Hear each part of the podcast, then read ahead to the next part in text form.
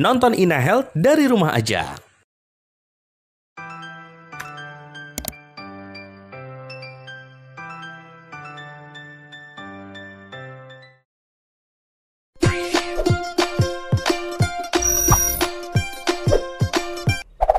Hai dok, Assalamualaikum warahmatullahi wabarakatuh. Ya, jumpa lagi dengan saya, saya Dokter Pio Obstin. Saya uh, dokter dan dosen di Fakultas Kedokteran UGM. Saya Dokter Obstin di Rumah Sakit Dokter Sarjito.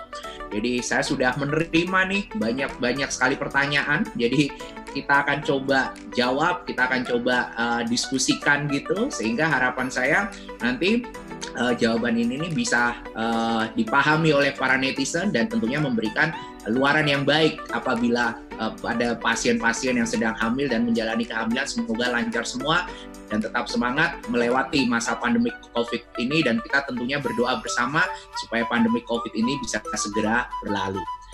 Baik, kita ke pertanyaan pertama ya. Saya mendapat pertanyaan, Hai dok, apa gejala COVID-19 pada ibu hamil sama dengan yang lain?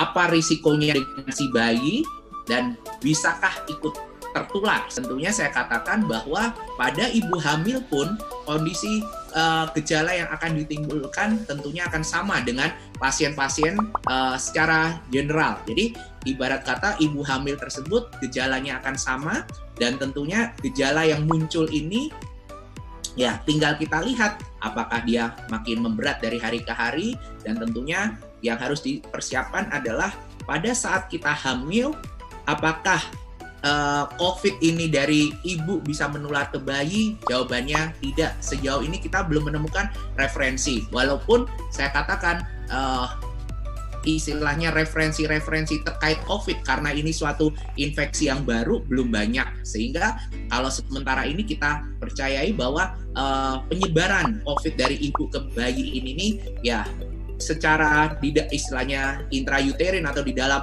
kondisi kehamilan itu tidak terjadi, tetapi kita harus hati-hatinya. Penyebaran itu tuh berpotensi terjadi adalah setelah persalinan pada saat menyusui, pada saat si ibu ini kontak langsung dengan si bayi yang setelah lahir, nah makanya potensi penyebaran itu tuh bisa terjadi.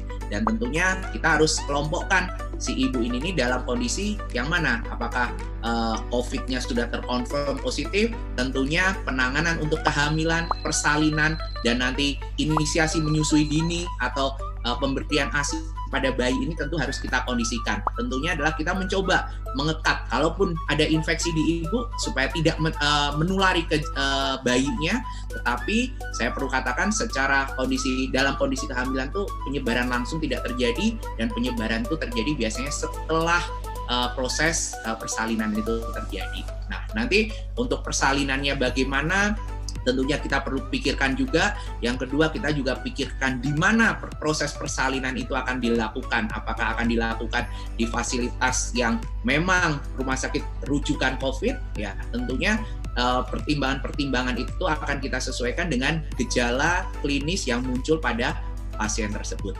Itu untuk uh, pertanyaan pertama ya. Jadi uh, mungkin bisa di dipahami ya konsep di sini. Terus kita akan jalan uh, berikutnya ke pertanyaan yang kedua. Hai dok, jika ada ibu hamil positif COVID-19, apakah obat-obatan atau nutrisi ibu hamil selama dirawat tetap dikonsumsi? Nah, ini nih saya perlu uh, garis bawah ini uh, ibarat kata netizen yang bertanya nih, obat-obatannya obat-obat apa? Karena kan memang secara spesifik obat untuk COVID itu kan sebetulnya belum belum ada suatu yang benar-benar evidence based atau yang dikatakan ya obat yang paling tepat untuk COVID kan belum ada. Bahkan obat belum ada, vaksin belum ada. Namun kalau saya menggarisbawahi apabila uh, obat-obat mungkin yang dimaksud adalah vitamin-vitamin ibu hamil menurut saya tetap dilanjutkan. Jadi kita jangan sampai uh, terkondisi COVID, terus kita mengekat semua nutrisi, suplemen yang kita konsumsi selama ini. Karena bagaimanapun uh, COVID dan kehamilan ini nih ya, dia berjalan seiring sejalan. Artinya di sini adalah hamil tetap harus diobservasi. Jadi jangan sampai karena COVID kita mengekat suatu nutrisi akhirnya tumbuh uh, istilahnya perkembangan janin punya potensi terganggu, walaupun di sisi lain uh, untuk infeksi COVID-nya pun dilakukan pengobatan secara optimal. Jadi harapan saya jangan sampai kita misalkan mendapatkan suatu kondisi uh, positif misalnya saya tidak berharap positif covid ya nutrisi tetap dioptimalkan pemberian-pemberian obat-obatan yang uh, diperlukan juga dikondisikan tentunya konsultasikan dengan dokter agar covid kita terkondisikan ya infeksi covid bisa segera ter, uh, teratasi dengan baik dan yang kedua adalah kehamilan kita pun tetap bisa berjalan dengan optimal sehingga harapan saya ya jangan sampai covid ini nih malah membuat uh, mindset kita berubah, kita fokus COVID, padahal kehamilan kita ini masih terus berjalan seperti uh, kondisi yang normal. Intinya seperti itu. Itu untuk pertanyaan kedua. Kita akan lanjut ke pertanyaan ketiga dari netizen.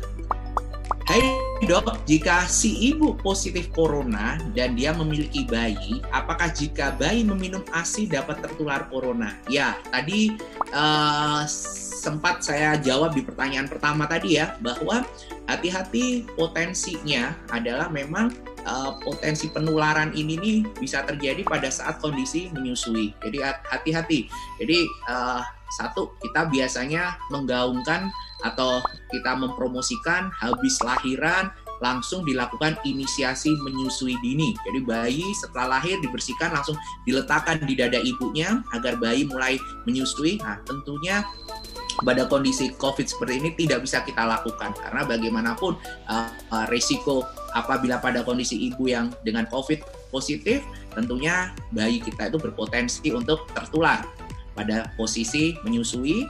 Nah, tentunya di sini kita perlu mungkin pisahkan dulu sementara ibunya dan bayi pun saat ini kita bisa protect, kita bisa beri dia face shield untuk khusus bayi dan tentunya uh, pemberian ASI ini mungkin akan kita tunda dulu pada kondisi uh, ibu hamil dengan COVID-19. Baik, jadi mungkin itu uh, konsep dari pertanyaan-pertanyaan netizen yang coba saya jawab ya. Ya semoga uh, memberikan sedikit pencerahan atau pemahaman tentang kondisi ibu hamil pada kondisi pandemi COVID ya. Kita sebagai dokter opsi tenaga kesehatan kita siap untuk dikonsultasikan sewaktu-waktu dan artinya lebih baik kita mempunyai suatu konsep bahwa apabila kita ragu-ragu merasa ada gejala di tubuh kita segeralah periksa ya dan tapi tetap dalam koridor uh, kehati-hatian terapkan physical distancing gunakan masker cuci tangan lakukan proteksi ke diri kita dan jalanilah kehamilan ini dengan baik dengan tenang.